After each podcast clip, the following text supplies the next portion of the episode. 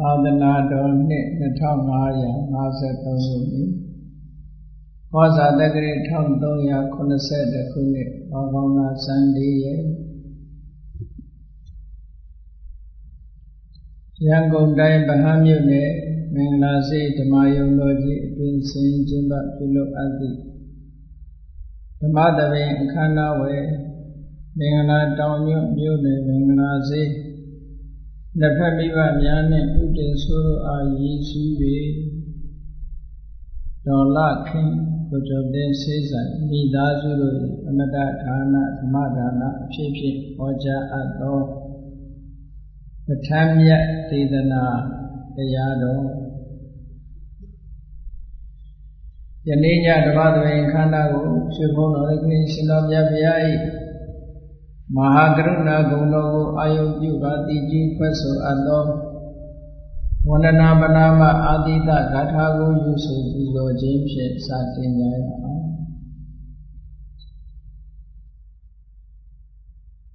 ယောကပကောတိဟိပိယပမေယံကာလံကရွန်တောတိဒုက္ခရာနိခေရံကတောလောကဟိတယနာထောန မောမဟာကာရုဏိကတတတ္တာယောနာထောဝိနိယညာသာတတ္တဝါဤချမ်းသာစီပါလူလာတောင်းတဂုံပေါင်းခါသဖြင့်နာထမြညာတင်ရှင်တော်မြတ်ဗျာသည်ကပ္ပဂောတိဟိပိဂရေကဘာအရေအတွက်သင်္ချာတို့ဖြင့်တော်လဲ အပမေယံရည်တဲ့တိုင်းတာဖော်ပြခြင်းငါမစွမ်းနိုင်ပါသောကာလံလေးအသင်ချေသိမ့်နေကဘာရှိကြသောကာလပတ်လုံးလောကဣတယတတ္တလောကဤအကျိုးစီးပွားအလို့ငါအတိဒုက္ခရာဏိဩစာတဲ့ထင်လက်အင်္ဂါမေတ္တာကြီးမှသမိတာနှင့်တထာဇတိဆွန်ရင်ကြီးဟု ကျတိထဝေငါးသွဲအစုအလုံးခဲရင်တော်မူတော့ကိုကရုံတော်ဘုရားဖြစ်ရန်ဤတန်ကျိုးကိုအာထုတ်တော်မူရသည်ဖြစ်၍ခေရန်လက်ချင်းမျက်လုံးအသက်ဆုံးလည်းရဲ့နှလုံးစိတ်ဝံကိုရောဤပြမညင်းသောကတောဘဝဒါနာကျင့်ခံများစွာရောက်တော်မူကြရရှာလိမ့်မည် မဟာကရုဏီကတတတဝါများယဝေတာကဲ့သို့တနာချစ်ခင်မဟာကရုဏာရှင်ဖြစ်တော်မူသောတသနာတသဝိနည်းများစွာတတဝါဤချမ်းသာစီးပွားလိုလားတောင်းတဂုံပေါင်းခါသဖြင့်နာထမြညာထိုရှင်တော်မြတ်ဘုရားအားနမောယုတိပြောင်းပြောမှန်ကိုလျော်၍ ကရောယုကျိုးရှိခိုးခြင်းသည်အထုဘဝတုစင်စစ်မသွေဖြစ်ပါစေတည်း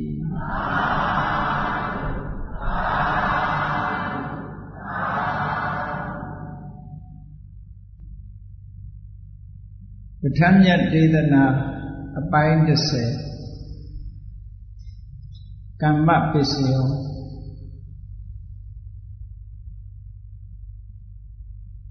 ဘုရားဘာသာဝင်သူတော်စင်တွေ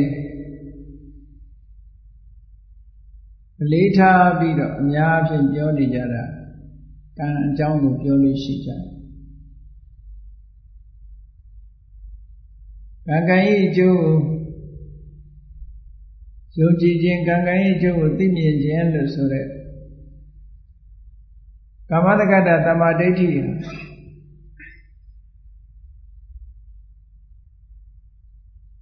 ရားကိုယုံကြည်ကိုးကွယ်ကြတဲ့ပုဂ္ဂိုလ်တွေရဲ့အခြေခံခံယူချက်အခြေခံအမြင်ပဲဖြစ်တယ်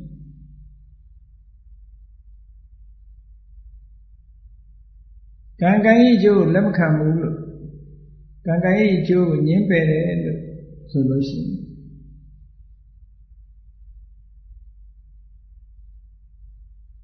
ဘုန်းကြီးတို့မနောကံ၃မျိုးတည်းမှာ အကုသိုလ်မနောကံ၃မျိုးကုသိုလ်မနောကံ၃မျိုးလို့ဆိုတယ်မိစ္ဆာဒိဋ္ဌိဆိုပြောတယ်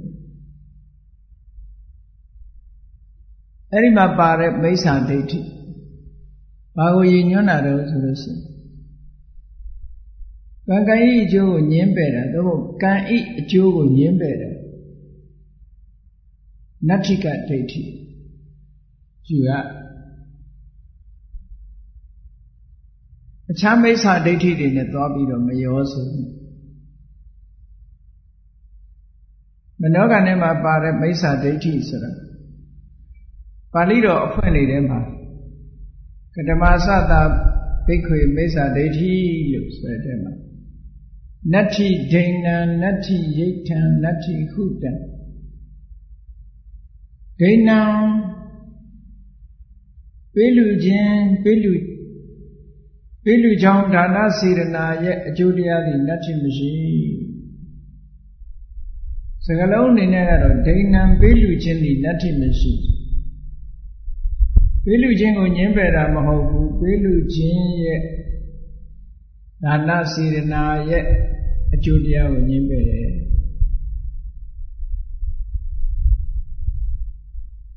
နတ္ထိဒိဏံနတ္ထိယိဋ္ဌံနတ္ထိဟုတံ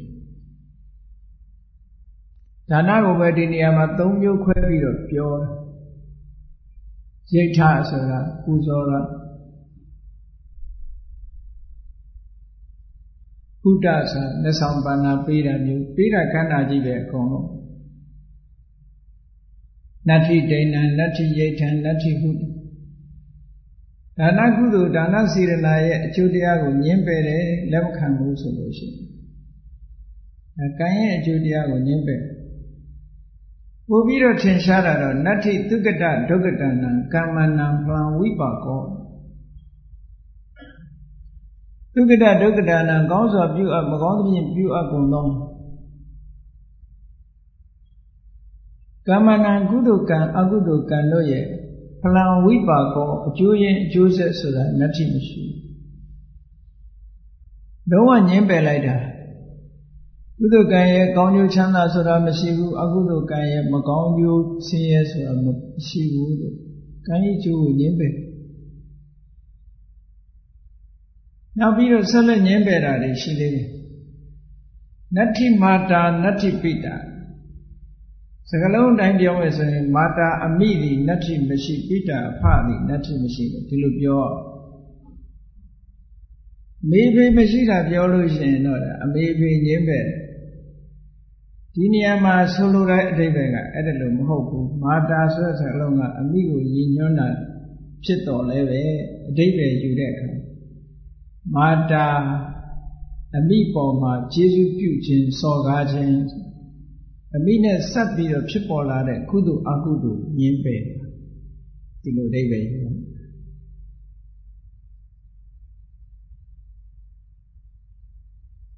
ဒါပါလို့ဆို materialism ရုပ်ဝါဒသမားတွေပြောတဲ့စကားနဲ့တူတယ်နတ္တိပိတာဆိုတာလည်းထိုသူပဲအဖေကိုပြည့်စုံလုံကျွေးလို့လည်းကုသိုလ်မရဘူးအဖေကိုစော်ကားလို့လည်းအကုသိုလ်မဖြစ်ဘူးလို့ဆိုလို့အကျိုးတရားကိုညှင်းပယ်တယ်လို့လို့ယူဆတယ်နတ္တိအယံလောကောတဲ့တခြားဘဝကပုဂ္ဂိုလ်တွေဖွဲ့ဒီလောကဆိုတာမရှိဘူး နတ္တိပရောလောကောဒီလောကမှာရှိနေတဲ့ပုဂ္ဂိုလ်တွေအတွက်နောင်လောကဆိုတာမရှိဘူး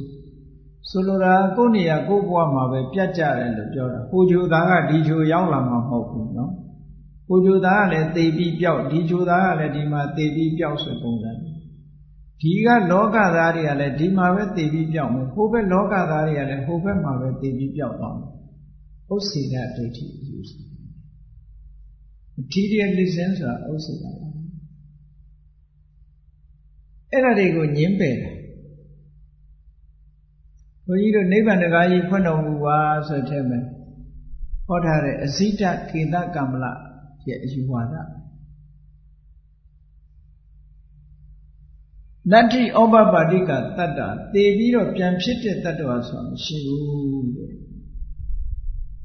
ကံကံကြီးအကျိုးတွေတတ္တဝါတွေကဘဝတစ်ခုကနေဘဝတစ်ခုသွားနေတယ်ဆိုတာ ကံရဲ့စွမ်းအားနဲ့သွားကံကိုငင်းပယ်နေမှတော့ဘယ်လိုလုပ်ပြီးတော့တတ္တဝါဟိုဘဝဒီဘဝဖြစ်အောင်မလို့ဒါကြောင့်မလို့ကံရဲ့အကျိုးကိုငင်းပယ်လိုက်ပြီးတော့ဗာပြောတော့ဆိုနတ္ထိသမဏဗျမနာသမ္မကတာသမ္မာပဋိပန္နစင်တန်းမြင့်ပြီးကောင်းတဲ့အချင်းကိုဖြင့်ပြီးဒီလောကကြီးရဲ့အကြောင်းကို ကိုတွေ့သိမြင်ပြီးဟောပြောနိုင်တဲ့ပုဂ္ဂိုလ်ဆိုမရှိဘူး။ဘုရားကိုလည်းညင်းတယ်အဲတော့ဒီနတ္ထိကဝါဒကိုပဲဒီမနောကံရမှာမိစ္ဆာဒိဋ္ဌိလို့ပြောတာနော်တက္ကာယဒိဋ္ဌိဆိုမိစ္ဆာဒိဋ္ဌိတွေနဲ့သွားမရောနဲ့ပေါ့အခြေခံကြတာကကံကံဤအကျိုးကိုငင်းပယ်မှုပို့ပြီးတော့ဒီမိစ္ဆာဒိဋ္ဌိကပို့ပြီးတော့အရင်ခံကြတယ် ဘုရားဘာသာဝင်ဖြစ်နေလင့်ကစားတက္ကာယဒိဋ္ဌိဆိုတာမကင်းနိုင်သေးဘူးပေါ့ပရိယုဌာဏလို့ခေါ်တဲ့သွမ်းမိုးဖြစ်ပေါ်နေမှုမရှိပေမဲ့လို့တက္ကရာဒိဋ္ဌိရှိနေကြဒီယူဆဟာအနုတ္တယအနေနဲ့တခါတလေဒိဋ္ဌာနုတ္တယဆိုတာဘောတန်တရားကပါလာသတ္တပတိမဲ့နဲ့မှာကဲရှားနိုင်အဲ့တော့ဒီ ကံကံဤအကျိုးကိုညင်းပယ်ခြင်းဆိုတဲ့ဒီမိစ္ဆာဒိဋ္ဌိမနောကံအရာမှာမိစ္ဆာဒိဋ္ဌိအဲ့ဒီမိစ္ဆာဒိဋ္ဌိဟာသက်ခဝရဏမက္ခဝရဏသက်ခနတ်ပြည်ကိုလည်းတားတယ်ဆိုလိုတာကနတ်ပြည်ရောက်ဖို့မဖြစ်နိုင်အဲ့ဒီယူဝါဒရှိတဲ့ပုဂ္ဂိုလ်ကကောင်းအတူတူမရောက်ဘူးလို့ပြော ဘယ်ရောက်မလဲကံကိုညင်းပယ်ထားတာဆိုတော့မဟုတ်တာလို့တော့မှာပေါ့သူကောင်းတာလို့လို့ကောင်းကျိုးချမ်းသာဆိုတာမရှိဘူးမကောင်းတာလို့လို့မကောင်းကျိုးရဲ့ဆင်းရဲဒုက္ခဆိုတာမရှိဘူးလို့ညင်းပယ်ထားမှတော့သူကကောင်းမကောင်းကိုကြိုက်တာလုပ်တော့မဲ့သဘောပဲပေါ့ကိုကြိုက်တာဆိုတာအများအပြားဘာကြိုက်တာတော့မကောင်းတာကြိုက်တာပဲအေးဒါကြောင့်မို့လို့ ဒီမနောကံညာမှာရှိတဲ့မိစ္ဆာဒိဋ္ဌိဆိုတာနတ္တိကဒိဋ္ဌိကိုညညွန်းတာလို့ဒီလိုမှတ်ရောပြီးတော့ရေးတတ်တဲ့တချို့ကမိစ္ဆာဒိဋ္ဌိဆိုလို့ရှိရင်တက္ကာယဒိဋ္ဌိတွေရောဘာတွေရောမနောကံမှာသွားထည့်တယ်မိစ္ဆာဒိဋ္ဌိ62ပါးဆိုတာရှိသေးတယ်လေအတ္တအယူဆတွေနဲ့ပတ်သက်တယ်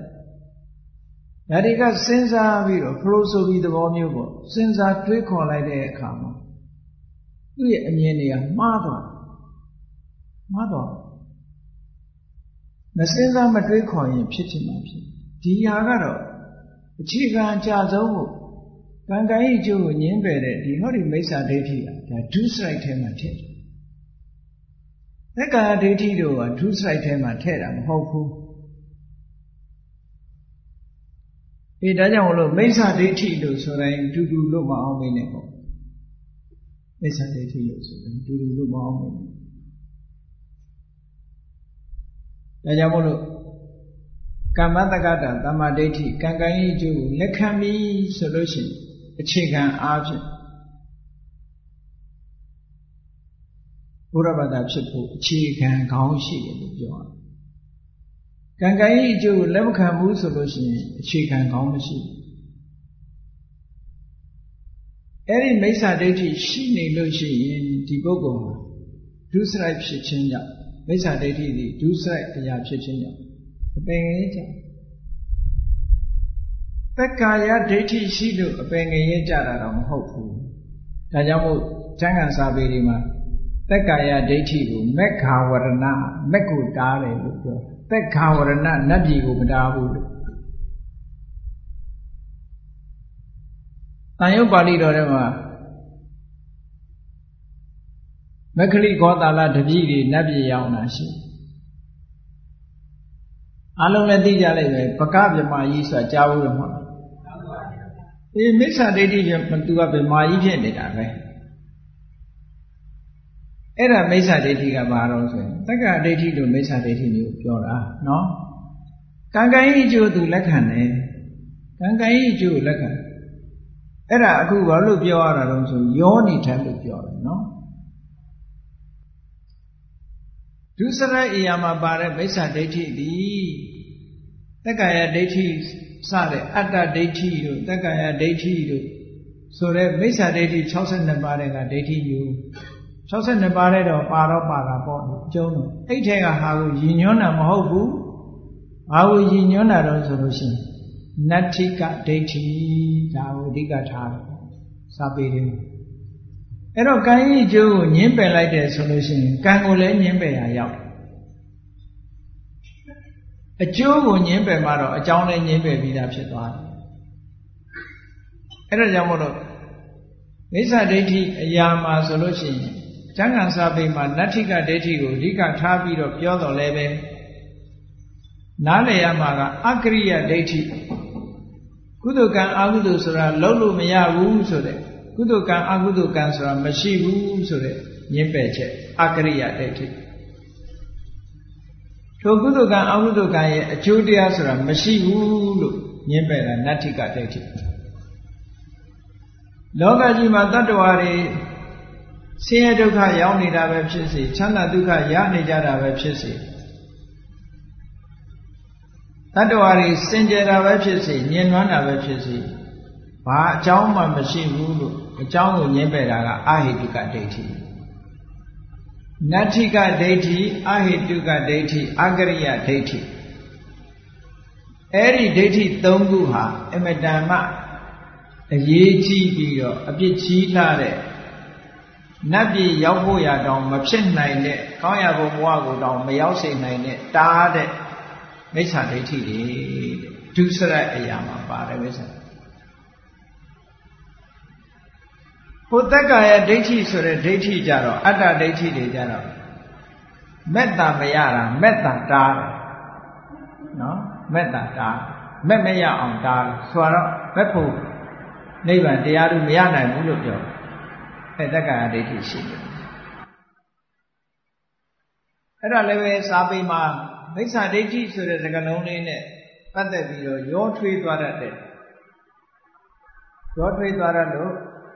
ဒါကိုမှတ်ထားဖို့ပေါ့အဲ့ဒါရောထွေးသွားတတ်တယ်လို့နောက်တစ်ခါသူစရိုက်နဲ့ပတ်သက်ပြီးတော့ဘာရှိတော့လို့ဆိုတော့တမ္မာဒိဋ္ဌိ သူစရိုက်နဲ့ပတ်သက်တဲ့တမ္မာဒိဋ္ဌိအဲ့ဒီတမ္မာဒိဋ္ဌိဆိုတဲ့နေရာမှာလည်းပဲအဋ္ဌိကဝါဒကိုပြောအဋ္ဌိကဆိုတာအဋ္ဌိဒိဏံအဋ္ဌိယိဋ္ဌံအဋ္ဌိသုတံဒါနကောင်းမှုတွေရဲ့အကျိုးရှိတယ်ကုသိုလ်ကံအကုသိုလ်ကံတို့ရဲ့ အကျိုးတရားဆိုတာရှိတယ်လို့ဒီလိုကံကံရဲ့အကျိုးလက်ခံတယ်အဲ့ဒါသူစရအရာမှာဖြစ်တဲ့သမာဓိဋ္ဌိကိုပြောတယ်အဲ့ဒီသမာဓိဋ္ဌိကခုနတက္ကာယဒိဋ္ဌိကိုဖယ်ရှားတဲ့သမာဓိဋ္ဌိမျိုးမဟုတ်သေးဘူးအဲ့ဒါသူစရရဲ့အခြေခံသမာဓိဋ္ဌိလို့ပြောတာ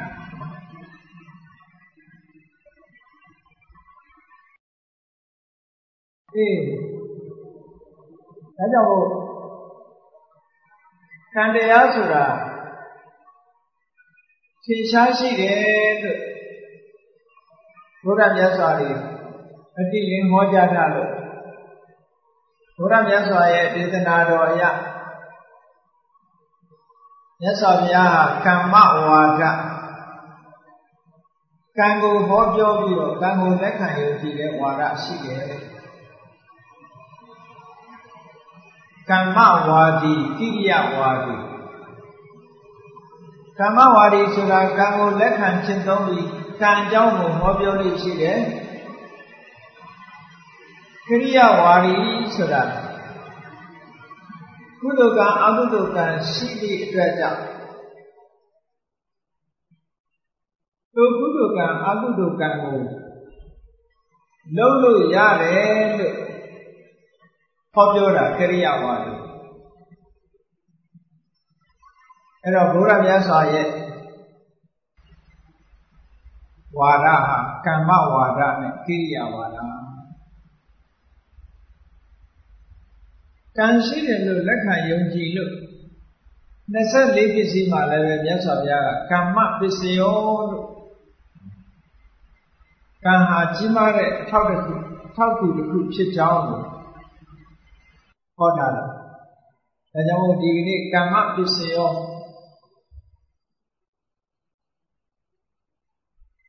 အေးကမ္မပစ္စယောဆိုတာ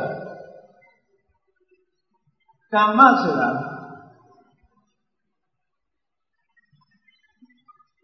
ပြုလုပ်ခြင်းစွမ်းဆောင်နိုင်ခြင်း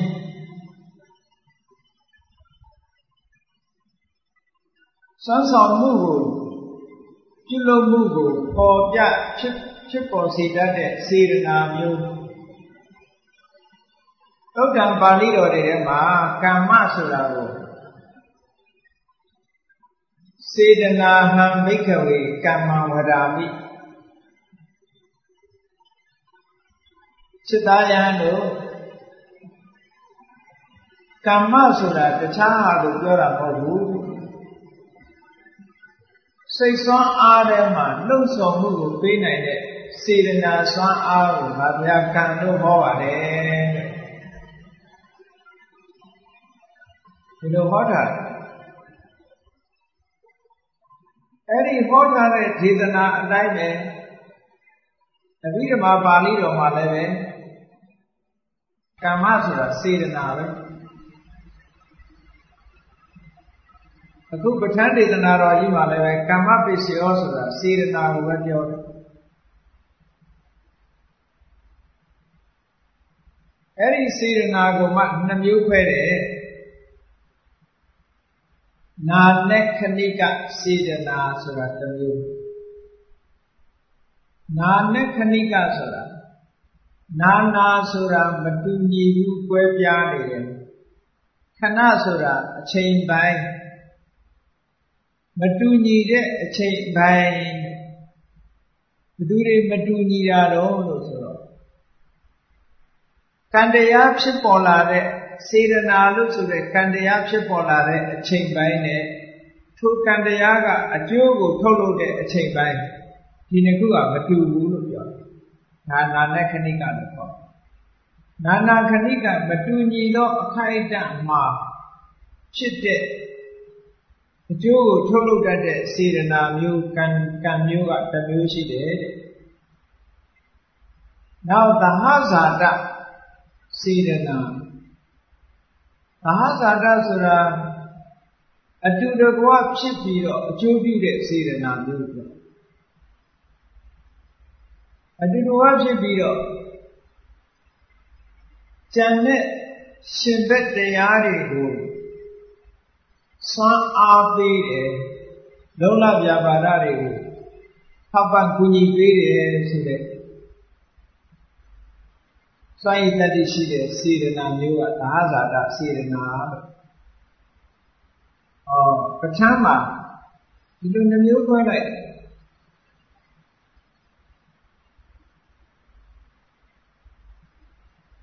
အဲ့ဒီမှာနာနကနိကစေတနာကိုကံလို့ခေါ်တာကြတော့ သုတ်တံပါဠိတော်တွေမှာလည်းပဲဒါကိုပဲခေါ်တယ်ထို့ထို့သုတ်တံတွေမှာကံအကြောင်းဟောတာတွေမှန်သမျှနာနာခဏိကလို့ဆိုတဲ့ကံဖြစ်တဲ့အချိန်နဲ့အကျိုးထုတ်လို့တဲ့အချိန်မတူညီတာကိုပဲပြောတယ်အရာထဲမှာလူတွေပြောနေကြတဲ့ဒီကံကောင်းတယ်ကံမကောင်းဘူးကံတရားအတိုင်းပဲနဲ့ပြောနေကြတာတွေအားလည်းပဲ ဟောဒီနာနကနိကကမ္မကိုပဲရည်ညွှန်းပြီးတော့ပြောကြတာဘာသာတကမ္မဆိုတဲ့ဒုတိယအမျိုးအစားကိုတော့အဘိဓမ္မာမှာသာပြောတယ်လို့ဒီလိုနားလည်ရတယ်အဘိဓမ္မာပဋ္ဌာန်းပါဠိတော်မှာသာသဟဇာတကမ္မအကြောင်းပြောတယ်တခြားသုတ်တန်တွေမှာကံအကြောင်းပြောပြီးဆိုရင်ဒါနဂနိကကမ္မ ကဲကံအကြောင်းပြောတယ်ဆိုတော့ဘယ်လိုပြောလဲသုတ်တန်ပါဠိတော်တွေမှာကမ္မတက္ကာတတ္တာတတ္တတတ္တဝါတွေဟာကမ္မတက္ကာကံသာလင်ကိုယ်ပိုင်ဥစ္စာရှိကြတယ်လို့ဒီစကားကိုဟောတယ်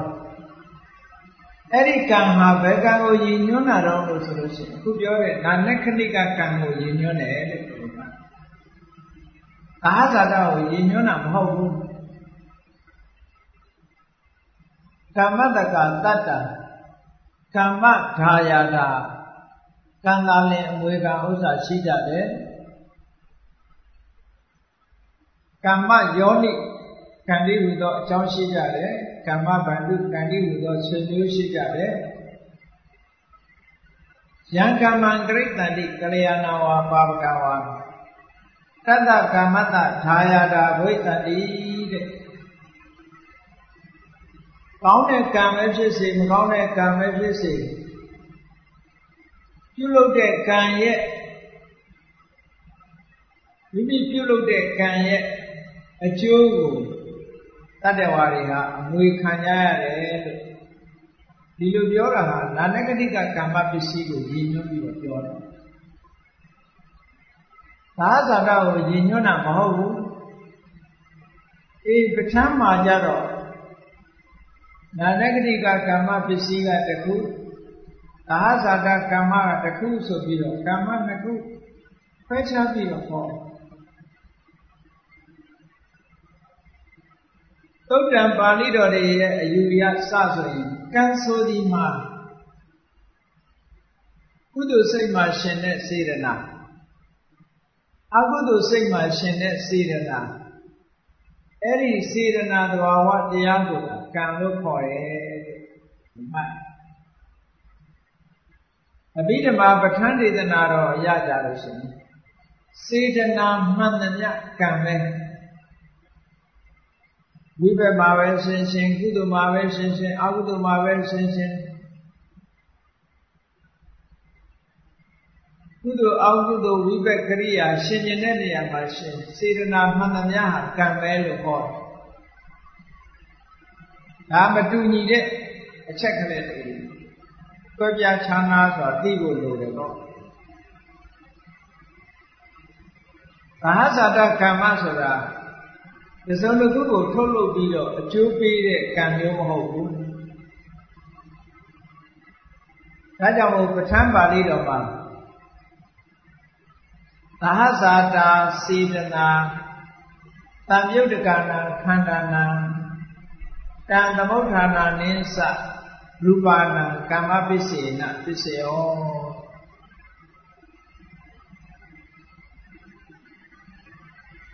သဟဇာတာအတူတကွဖြစ်တဲ့စေရနာစေရနာတရားလေးတွေတံမြုတ်တကနာဓမ္မနာရှင်ဘက်ဖြစ်တဲ့သဘာဝတရားတို့အား၎င်းတန်သမုဋ္ဌာနာနာထိုရှင်ဘက်ဖြစ်တဲ့သဘာဝတရားတွေကြောင့်ဖြစ်ပေါ်လာတဲ့စိတ်တစယုတ်တို့အား၎င်းစိတ်တစယုတ်ပရိသေရိကမ္မစယုတ်တို့အား၎င်း ကာမပစ္စေနာသာဇာကကာမပစ္စယတတ္တိဖြစ်ပစ္စယောဥပကာရကောခြေစုပြုတတ်တယ်တဲ့ဒီလိုဟောတာအဲ့တော့ဒီသာသတကာမဆိုတာအရတဲ့မှာပြောနေတဲ့ကံတိုင်းပဲဆိုတာလည်းမဆိုင်ဘူး ကံကောင်းတယ်ကံမကောင်းဘူးဆိုတာလည်းမဆိုင်ဘူးသဘာဝတရားတွေဟာစေတနာဆိုတဲ့သဘာဝတရားလေးတွေရှင်ဘက်တရားတွေအပေါ်မှာလုံးလဗျာပါဒလို့ဆိုတဲ့အစွမ်းတတ္တိကလေးတွေကိုပေးနေတယ် စေတနာရဲ့သဘောတရားကသူကိုယ်တိုင်လည်းအားထုတ်တယ်ဉာဏ်နဲ့သဘာဝတရားတွေကိုလည်းစီယုံပြီးတော့အားထုတ်စေတယ်ဒါစေတနာရဲ့သဘောတရားဒါကြောင့်မို့စေတနာမှာအလုံးနှစ်ခုလုံးတယ်လို့ပြောရတယ်ပထမအလုပ်ကကိုယ်တိုင်အားထုတ်ခြင်းဆိုတဲ့အလုပ်ဒုတိယက ရှင်ဘောရှင်ဘက်တရားဓမ္မတွေကိုလည်းအားထုတ်စေတယ်ဆိုတဲ့အလုပ်ကိုယ်တိုင်ကအားထုတ်ခြင်းရှင်တဲ့တရားတွေကိုလည်းအထုတ်စေခြင်းဆိုတဲ့ဒီစွမ်းဆောင်မှုလေးကိုရည်ညွှန်းပြီးတော့အဟဇာတကမ္မကိုကမ္မပစ္စယောလို့မြတ်စွာဘုရားကဟောတာဟုတ်ဒီသာသနာပစ္စည်းကိုကမ္မပစ္စည်းကိုဟောတာလေ ပဋ္ဌာန်းကျမ်းရဲ့ထူးခြားတဲ့ဟောပြောချက်ကလေးတစ်ခုကိုဒီလိုမှတ်ဒါကတော့များများပြောစရာမရှိဘူးစိတ်မှန်ရင်စေတနာရှိတာကြီးပဲစိတ်အားလုံးမှာစေတနာကရှင်တယ်ဘာဖြစ်လို့လဲဆိုတော့စေတနာဆိုတာစိတ်အားလုံးမှာရှင်တဲ့စေတသိက်တရားမျိုး ဘယ်စိတ်ပဲဖြစ်ဖြစ်စေတနာဆိုတာပါစေတနာမပါတဲ့စိတ်ရလို့လုံးဝမရှိဘူးအဲ့ဒီစေတနာဆိုတာကိုလည်းပဲဒီနေရာမှာကံလို့ပြောလိုက်တာဒါကသဟဇာတကမ္မနာနခဏိကကမ္မကြတော့ဒါမျိုးမဟုတ်တော့ဘူး ဒါကြောင့်ပဋ္ဌာန်းပါဠိတော်မှာကုသလာကုသလာကမ္မံဝိပါကနံခန္ဓာနံကတ္တတာသရူပနံကမ္မပစ္စေနပစ္စယောကုသလာကုသလာကမ္မံကုသိုလ်အကုသိုလ်ကံကလေးသည်ဝါကုသိုလ်အကုသိုလ်စေရနာကလေးသည် ဝိပါကနံခန္ဓာနံကံတရားကထုတ်လုပ်တဲ့ဝိပက်နာမခန္ဓာတို့အား၎င်းကတ္တတာသရူပနာကတ္တတာယုတ်လို့ဆိုတဲ့ကာမစယုတ်တို့အား၎င်းကာမပစ္စေနကာမပစ္စယတတ္တိဖြင့်ပစ္စယောဥပကာရကောခြေစုပြုတတ်ပါပြီဒါကအများပြောနေတဲ့ကံပဲ ကောင်းတာလို့ရင်ကောင်းကျိုးရတယ်မကောင်းတာလို့ရင်မကောင်းကျိုးရတယ်လို့အများပြောနေကြတဲ့ကံကံသာလင်ကိုယ်ပဲဥစ္စာဆိုတာလေဒါကိုပြောတယ်ကုသိုလ်ကံနဲ့အကုသိုလ်ကံကုသိုလ်ကံနဲ့အကုသိုလ်ကံนี่ဘယ်သူကိုဖြစ်စေတော့လို့ဆိုတော့ဝိဘက်နာမခန္ဓာလို့ဆိုတဲ့ စိတ်စေတဲ့သိဆိုတဲ့အကျိုးတွေကိုဟောဒီကံကဖြစ်စေတယ်။နောက်ကတ္တတာယုတ်လို့ခေါ်တဲ့ကာမစယုတ်တွေကိုလည်းဟောဒီကံကဖြစ်စေတယ်။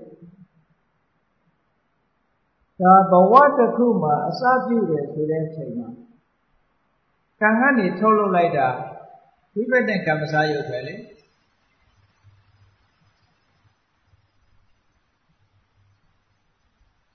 ပဋိစ္စသမုပ္ပါမှာကြည့်မယ်ဆိုလို့ရှိရင်သင်္ခါရပစ္စယဝိညာဏဆိုတဲ့အပိုင်းကိုကြည့်ရသင်္ခါရဆိုတာနာနဂတိကကာမကုသိုလ်ကံနဲ့အကုသိုလ်ကံတို့ကုသိုလ်ကံအကုသိုလ်ကံဆိုတဲ့စေရနာကသင်္ခါရပစ္စယဝိညာဏလို့ဆိုတဲ့အဓိကပဋိသေဝိညာဉ်စိတ်ကလေးကိုဖြစ်စေတယ် အဲ့ဒီပရိသေဝိညာဉ်စိတ်ကလေးကိုပရိသေအခါမှာဖြစ်စေပြီးတော့ဘဝတိအခါလို့ဆိုတဲ့နေရာမှာလည်းပဲအဲ့ဒီဝိဘက်တွေဟာကံတရားတွေရဲ့အကျိုးပဲ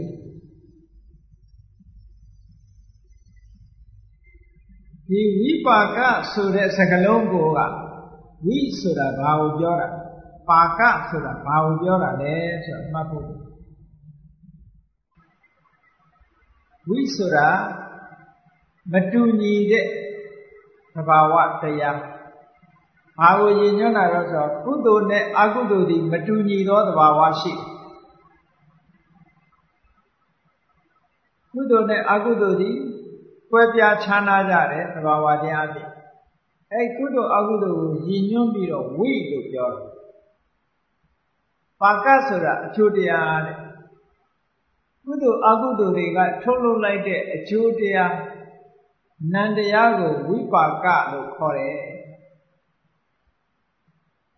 ဘာမာစကားထဲမှာလည်းဝိဘက်ဝိဘက်နဲ့ပြောကြလေဒီနေရာမှာဝိပါကဆိုတဲ့စကားလုံးကအကျိုးမှန်သမျှကိုရည်ညွှန်းတာမဟုတ်ဘူးဝိဘက်နာမခန္ဓာလို့ဆိုတဲ့အတိုင်းစေတနာရဲ့အကျိုးဖြစ်တဲ့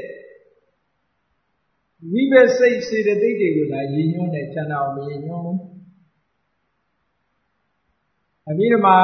တင်ထားတဲ့ပုံကိုယ်တွေဆိုရင်ဒါဝိဘက်စိတ်တွေကိုရည်ညွှန်းတယ်ဝိဘက်စိတ်36မျိုးရှိ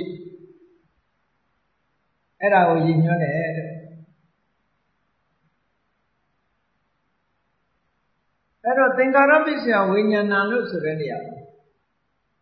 ပဋိသေအခါမှာဆိုရင်ဘယ်နှခုကောက်ရတော့ ပရိသေစိတ်က16ခုရှိတယ်ဝိညာဏအရာစိတ်16ခုပဲကောက်ကာမပစ္စည်းကနေထုတ်လုပ်လိုက်တယ်16ခုဆိုတာဘာတွေလဲလို့ဆိုရင်အကုသိုလ်ရဲ့အကျိုးဖြစ်တဲ့တန်တိရဏစိတ်ကတစ်ခုဥပိ္ပခာတန်တိရဏတစ်ခုကုသိုလ်စိတ်ရဲ့အကျိုးဖြစ်တဲ့ဥပိ္ပခာတန်တိရဏကတစ်ခုတဲ့ မဟာဝိဘက်စိတ်က၈ခုရူပဝဆရဝိဘက်စိတ်က9ခုအရူပဝဆရဝိဘက်စိတ်က4ခုပေါင်းလိုက်တော့အဲ့ဒီ19ခုပရိသေစိတ်19ခုလို့ခေါ်တယ်အဲ့ဒီပရိသေစိတ်19ခုဟာနာနဂတိကကမ္မလို့ဆိုတဲ့ကုသိုလ်အကုသိုလ်စေတနာကနေပြီးတော့ ထုတ်လုပ်လိုက်တဲ့အကျိုးတရားပဲအဲ့ဒါကိုရည်ညွှန်းတာဝိပါကနံခန္ဓာနံဆိုတာပြောတာနော်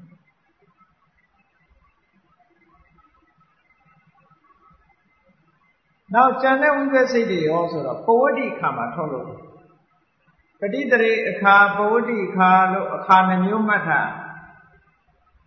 ဘဝတစ်ခုအစပြုတဲ့အချိန်လေးကိုပဋိတရေဆက်လက်ရှင်တန်ပြီးတော့ တေဒီထိအောင်ကပဝတ္တိအဲ့ဒီနှစ်ခုလုံးမှာရှိတဲ့အကျိုးဝိဘတ်တွေမှန်သမျှကံကထုတ်လုပ်တယ်အဲကာမပစ္စယောနဲ့ဆိုင်တဲ့အရာ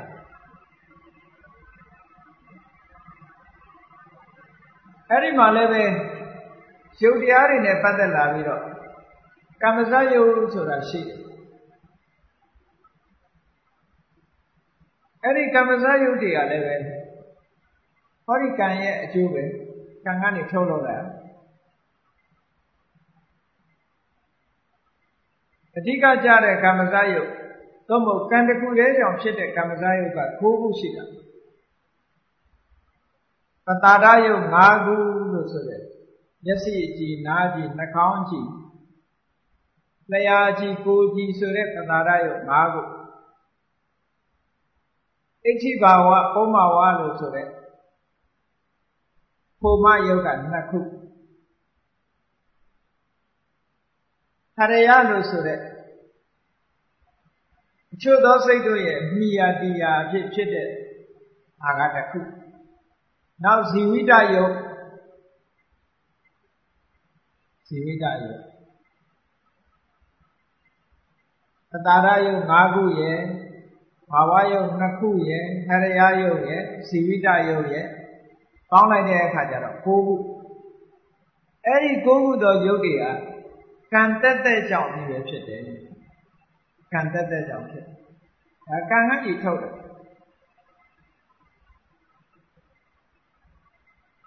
တခြားဓာတ်ကြီးလေးပါတို့ဓာတ်ကြီးလေးပါနဲ့အမြဲတမ်းမှီတွဲပြီးတော့နေတဲ့ဥပါဒါယုတ်တို့ အဲ့ဒီထေတဲ့ကနေပြီးတော့အထက်ကလာယုတ်၈ခုပေါ့အထက်ကလာယုတ်၈ခုကို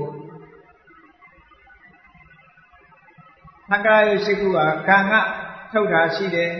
စိတ်ကထုတ်တာရှိတယ်ဥဒုကထုတ်တာရှိတယ်အာရထုတ်တာရှိတယ်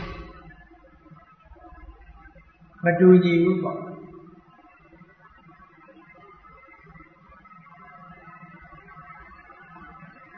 အဲ့တော့ ကံတက်တက်ကနေထုတ်တာတော့ခဏ၉ခုအဲ့ဒီ၉ခုဟာအခုပြောရတဲ့အဲ့ဒီကိုခုနဲ့ဖြစ်နိုင်ခြေရှိတဲ့ဉာဏ်တဲ့ရုပ်ပေါ့အဲ့ဒါတွေကိုအဘိဓမ္မာပါဠိတော်မှာကတ္တတာယုတ်လို့ခေါ်တယ်ကမ္မဇယုတ်ကိုပဋ္ဌာန်းပါဠိတော်ကတ္တတာယုတ်ကိုသုံးတယ်ဒါကြောင့်မို့ပဋ္ဌာန်းပါဠိတော်မှာ ကုသလာကုသလာကမ္မံဝိပါကနံခန္ဓာနံကတ္တတာသရူပနံကမ္မပစ္စယေနပစ္စယောတဲ့ကုသလာကုသလာကမ္မံကုသိုလ်အကုသိုလ်စေရနာသည်ဝိပါကနာခန္ဓာနာဝိဘက်နာမခန္ဓာတို့အား၎င်းကတ္တတာသရူပနာကတ္တတာယုတ်လို့ဆိုတဲ့ကမ္မဇယုတ်တို့အား၎င်း ကမ္မပစ္စယေနနာနခဏိကကမ္မပစ္စယတတ္တိဖြစ်ပစ္စယောဥပကာရကောခြေစုပြုတတ်သည်ဟောတိဖြစ်လို့ကမ္မပစ္စယောမှာကံအကြောင်းကိုဒီလိုဟောတယ်ကံအကြောင်းကပြောရမယ်ဆိုလို့ရှိရင်အမတန်မှခြေပြတ်နေပေါ့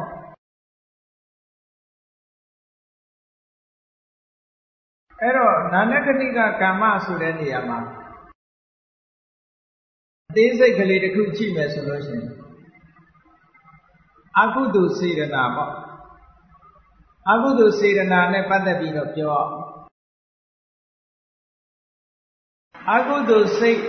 12ခုလုံးဟာစေရနာနဲ့ရှင်နာကြည့်တယ်အကုသိုလ်စိတ်12ခုလုံးမှာရှိတဲ့စေရနာသည်အကုသိုလ်ကံ နော်အကုသိုလ်ကံဘယ်နှခုရှိလဲလို့ပြောရင်စိတ်12ခုရှိသည့်အတွက်ကြောင့်စေရနာ12ခုရှိတယ်အကုသိုလ်စေရနာ12ခုရှိတယ်စိတ်နဲ့ပြောမယ်ဆိုရင်လောဘမှုစိတ်8ခုမှာစေရနာ8ခုဒေါသမှုစိတ်2ခုမှာစေရနာ2ခုမောမှုစိတ်2ခုမှာစေရနာ2ခုပေါင်းလိုက်လို့ရှိရင်12ခုအဲ့ဒီ12ခုတည်းက မောမှုစိတ်ထဲမှာဥပိ္ခာသဟကုတ်ဥဒိစ္စတံပယုတ်လို့ဆိုတဲ့နောက်ဆုံးအကုသိုလ်စိတ်မှာဥဒိစ္စနဲ့ရှင်းလာတဲ့စေရနာလေးကြတော့ပရိသေရီအကျိုးကိုမထုတ်လို့ဘူးတဲ့နော်ပရိသေရီအကျိုးဆိုတာဘဝတစ်ခုကိုကျိုးမပေးနိုင်ဘူးဘဝတစ်ခုကျိုးပေးတာမရှိဘူးလို့ဆိုဒါကြောင့်မို့လို့ ဥဒိစ္စစေရနာမပါတဲ့အကုသိုလ်စေရနာတစ်ခုသည်ပရိသေရီအကျိုးဖြစ်တဲ့အကုသလဝိဘက်ဥပေက္ခတန်တိရဏဆိုတဲ့ပရိသေရီအကျိုးကိုထုတ်လုပ်ပါတယ်ကာမပစ္စယောကာမပစ္စယတတ္တိနဲ့အဲ့ဒါထုတ်လို့ဥ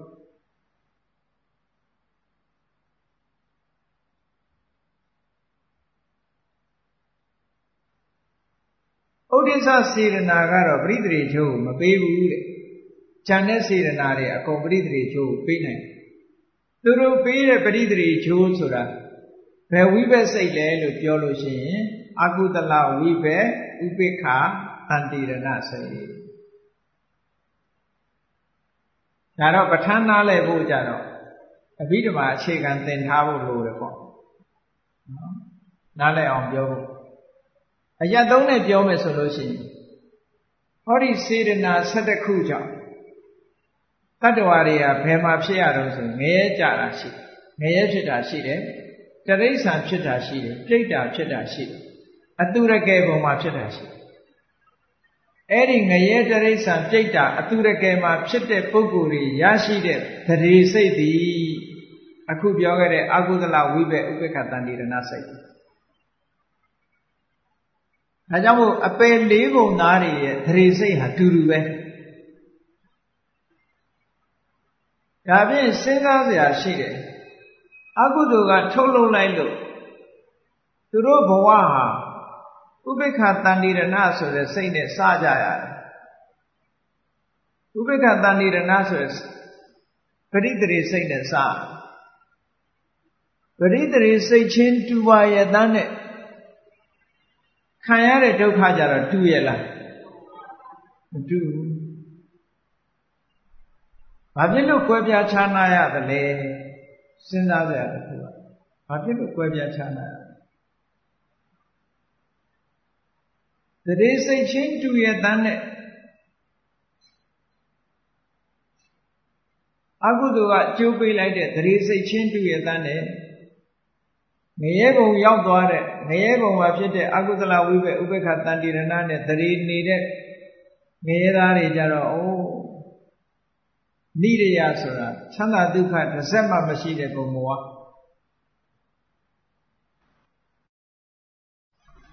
အမှန်တမ်းဆင်းရဲတယ်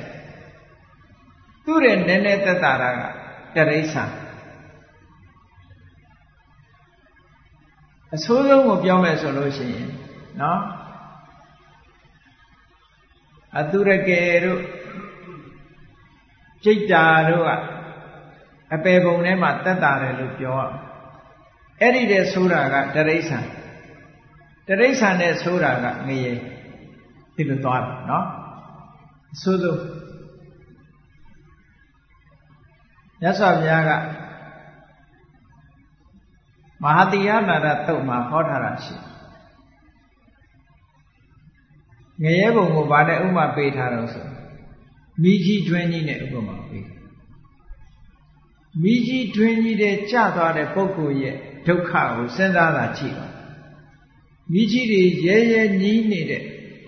မိကြီးတွင်းကြီးတဲ့ကြသွားတဲ့ပုဂ္ဂိုလ်ရဲ့ဒုက္ခအဲ့ဒါငရဲဘုံရောက်တယ်ဆိုတာမိကြီးတွင်းနေမိကြီးတွင်းကြီးတဲ့ကြတာမျိုးပဲတဲ့ တရိษံဘုံရောက်တဲ့ပုဂ္ဂိုလ်တွေကြတော့မစင်တွင်းကြတာနဲ့တူတယ်။အဲတရိษံနေကြခုနမိကြီးတွင်းနဲ့ဆိုင်တတ်တာတယ်လို့ပြောဟောမစင်တွင်းအဲပြိတ္တာနဲ့အတူတကယ်ကိုတော့ပေါင်းပြီးတော့ဟောလို့ရှိတယ်အများတန်းအပယ်လေးပုံလို့ပြောပြီးပဲလို့သုတ်တန်နေမှာဆိုအပယ်သုံးပုံပဲပြောတယ်အဲ့တော့ပိဋ္ဌာဘုံကြတော့အင်မတန်မှပူပြင်းတဲ့နေရာမှာ အရွက်ကျဲကျဲနဲ့မြေတွေကလည်းအောက်ခံမြေကကြောက်ဆုံဆုံနေထွက်ပြီးတော့အမတန်မှကြမ်းတမ်းတဲ့မြေပေါ်မှာပေါက်တဲ့အရိပ်ကျဲနေတဲ့သစ်ပင်အဲ့ဒီသစ်ရိပ်မှာနေရတဲ့ဒုက္ခမျိုးနဲ့တူတယ်လို့စိတ်တာကိုတော့အဲ့လိုဟောဥပမာပေးထားတာဒီ အဲ့အဲ့တော့တရေစိတ်ချင်းကတူရတန်းနဲ့ဘာဖြစ်လို့ငရဲဘုံကလူတွေကပိုဒုက္ခရောက်တုံးဆိုရင်အကုသို့လှုပ်တဲ့စွမ်းအားချင်းမတူဘူးလို့ဒီလိုပြောဘယ်ရာပဲဖြစ်ဖြစ် level တို့ degree တို့ဆိုတာရှိတယ်နော်ကုသိုလ်လှုပ်လည်းပဲကုသိုလ်စိတ်စွမ်းအားချင်းတူရလားမတူဘူး ဒါနလုံးလို့သီလဆောက်တည်ဆောက်တည်ဘာဝနာကမ္မထံပွားများအထုတ်အထုတ်စိတ်ဆွမ်းအားဖြစ်ပေါ်တဲ့စိတ်ဆွမ်းအားခြင်းတယောက်နဲ့တယောက်လည်းမတူဘူးအရှိန်ချင်းလည်းမတူဘူးအဟုန်ချင်းလည်းမတူဘူးသို့တော့လှူတာဆိုရင်ဒါနပဲဆောက်တည်တာတွေကအကျင့်သုံးတာကသီလပဲပွားများအထုတ်တာတွေကဘာဝနာဒါချင်းကြတော့တူတယ်နော် level တို့ degree တို့ဆိုမတူဘူး ဆိုလိုတာ quality မတူဘူးလို့ပြောကံတရားရဲ့ quality မတူဘူး quality မတူပေမဲ့ပစ္စည်းဟာဒီပစ္စည်းပဲမဟုတ်လားနော်ခုခေတ်သုံးနေတဲ့ပစ္စည်းတွေကြည့်လေ quality မတူဘူးပြောကြတာပဲသို့တော့နာမည်တို့ပစ္စည်းတို့မတူဘူးလားဒါပဲသုံးရတာချင်းလဲဒါပဲ ဥပမာပဲရေဒီယိုလေးတစ်လုံးဆိုတော့ရေဒီယိုလေးတစ်ခုဟာဘယ်နိုင်ငံကလုပ်တယ်ဘယ်နိုင်ငံကလုပ်တယ်လုပ်တဲ့နိုင်ငံတွေပါကြည့်ဒါက quality ကောင်းတယ်ဒါက quality မကောင်းဘူးပြောကြအဲ့ဒီ quality မကောင်းတာနဲ့ကောင်းတာ quality မကောင်းလို့သူ့ကိုရေဒီယိုလို့ခေါ်မခေါ်ရဘူးဒီလိုမဟုတ်ဘူးသူလည်းရေဒီယိုပဲ quality ကောင်းတာလည်းရေဒီယိုပဲเนาะအဲ့ဒါလိုပဲ ကံတရားရဲ့ quality အရာထုတ်လုပ်လိုက်တဲ့အကျိုးတရားတွေဟာ quality ချင်းကွာသွားတယ်တဲ့ငရဲကြတဲ့ဟာကြတော့ quality အမြင့်ဆုံးပေါ့အဲ့ဒါကြောင့်မို့လို့အခမ်းရဆုံးလို့ပြောအောင်သူ့ရဲ့နည်းနည်း quality ရော့ရင်တိရစ္ဆာန်ပေါ့ဒီတဲ့ရော့သွားလို့ရှိရင်တော့ပြိတ္တာပေါ့တရိစိတ်ချင်းတူပြီမဲ့လို့သူတို့ခံစားညာအတာချင်းမတူဘူး ထို့တူပဲကြည့်လူသားတွေရဲ့ခြေပုံရနော်လူစင်မမီတဲ့လူရဲ့သရေစိတ်ကြတော့ဥတလဝိဘဥပ္ပခတန်တိရဏလို့ခေါ်တယ်။တာမန်လူသားတွေလူစင်မီတဲ့လူသားတွေရဲ့ပရိသေရိစိတ်ကမာလူရဲ့စိတ်လူသားတွေရဲ့ပရိသေရိစိတ်ကလည်းမဟာဝိဘစိတ်ပဲနတ်ပြည်6ထပ်မှာဖြစ်တဲ့နတ်တွေရဲ့သရေစိတ်ကလည်းမဟာဝိဘစိတ်ပဲ သို့တော့ချမ်းသာဒုက္ခရတာချင်းတူကြရတူဒါလည်းစဉ်းစားကြည့်ဒါဖြင့်မတူတာဘာလို့မတူတာတုံးလို့အဖြေရှာရင် quality မတူဘူးလို့ပြောဟုတ်ကဲ့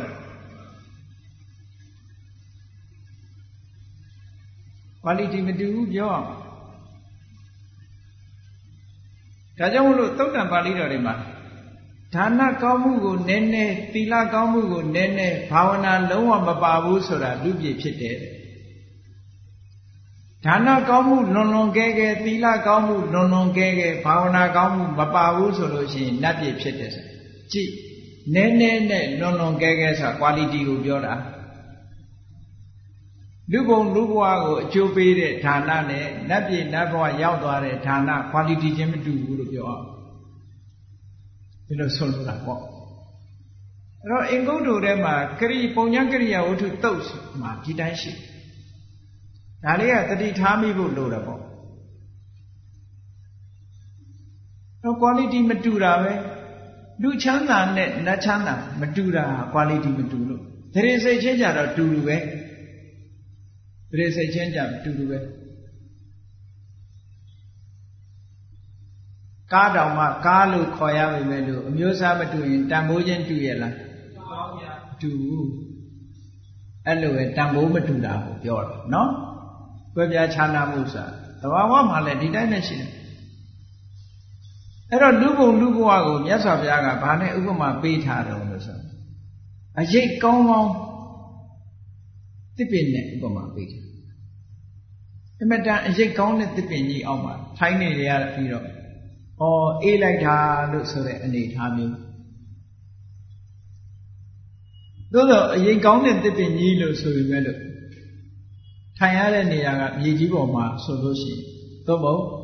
နေဆောင်လာလို့ရှိရင်လည်းအရိတ်ကဝင်လာနိုင်တယ်နေနေဘူးကဝင်လာနိုင်မိုးရွာလို့ရှိရင်လည်းလွတ်ပါမလားလွတ်ဘူးအဲ့တော့လူဘဝချမ်းသာတယ်ဆိုတာဟာအရိတ်ကောင်းတဲ့တစ်ပင်ကြီးအောက်မှာနေရသလောက်ပဲရှိတယ်အ ရိတ်ကောင်းတဲ့တစ်ပင်ကြီးအောက်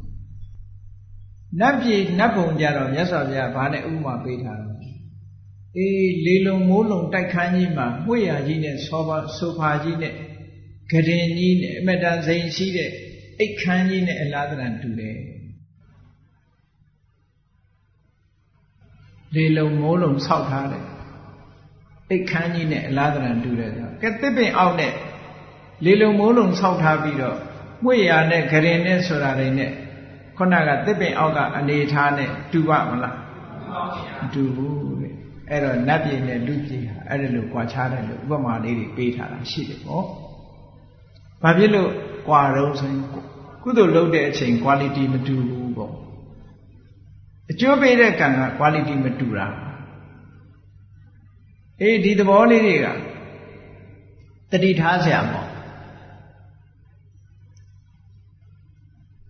ကဲကောင်းပြီအကုသိုလ်စေရနာကနေပြီးတော့ဥပိ္ပခတန်တိရဏလို့ဆိုတဲ့တရေအကျိုးလေးကိုပေးလိုက်တယ်ပရိတရေခါမှာတရေအကျိုးလေးကိုပေးတယ်အဲ့ဒီပရိတရေအကျိုးကိုပေးနိုင်တဲ့အကုသိုလ်စေရနာဟာဥဒိစ္စစေရနာမပါတဲ့7ခုဒါဖြင့်ဥဒိစ္စဥဒိစ္စသဟကုတ်ဥဒိစ္စတံပယုတ်စိတ်မှာရှင်တဲ့စေရနာကဘာဖြစ်လို့တရေအကျိုးမပေးတာလို့ဆို တရေအကျိုးပေးနိုင်လောက်တဲ့စွမ်းရည်တတ္တိသူ့မှာမရှိလို့ပရိသေတွေထုတ်လုံနိုင်တော့တဲ့စွမ်းရည်တတ်တွေသူ့မှာမရှိဘူး။ဘာကြောင့်မရှိတာတုံးဆိုတာကြတော့ကျမ်းဂန်တွေမှာဆက်မပြောတော့။ဘာကြောင့်မရှိတာတော့ကျန်တဲ့စိတ်တွေမှာရှိတဲ့တရေစေရနာတွေကတရေကျိုးပေးနိုင်တဲ့စွမ်းရည်တတ်တွေရှိရတဲ့နဲ့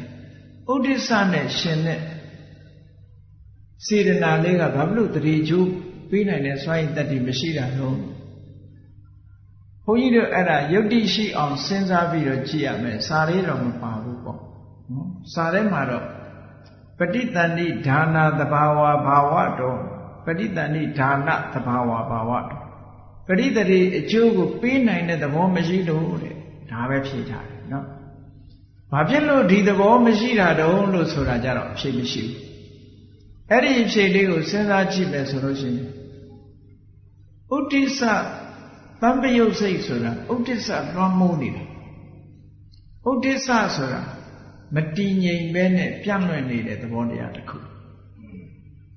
အဲ့ဒီပြန့်လွင့်နေတဲ့စိတ်မှာရှင်ရတဲ့စေတနာတစ်ခုဟာလည်းပြန့်လွင့်မနေပေဘူးလား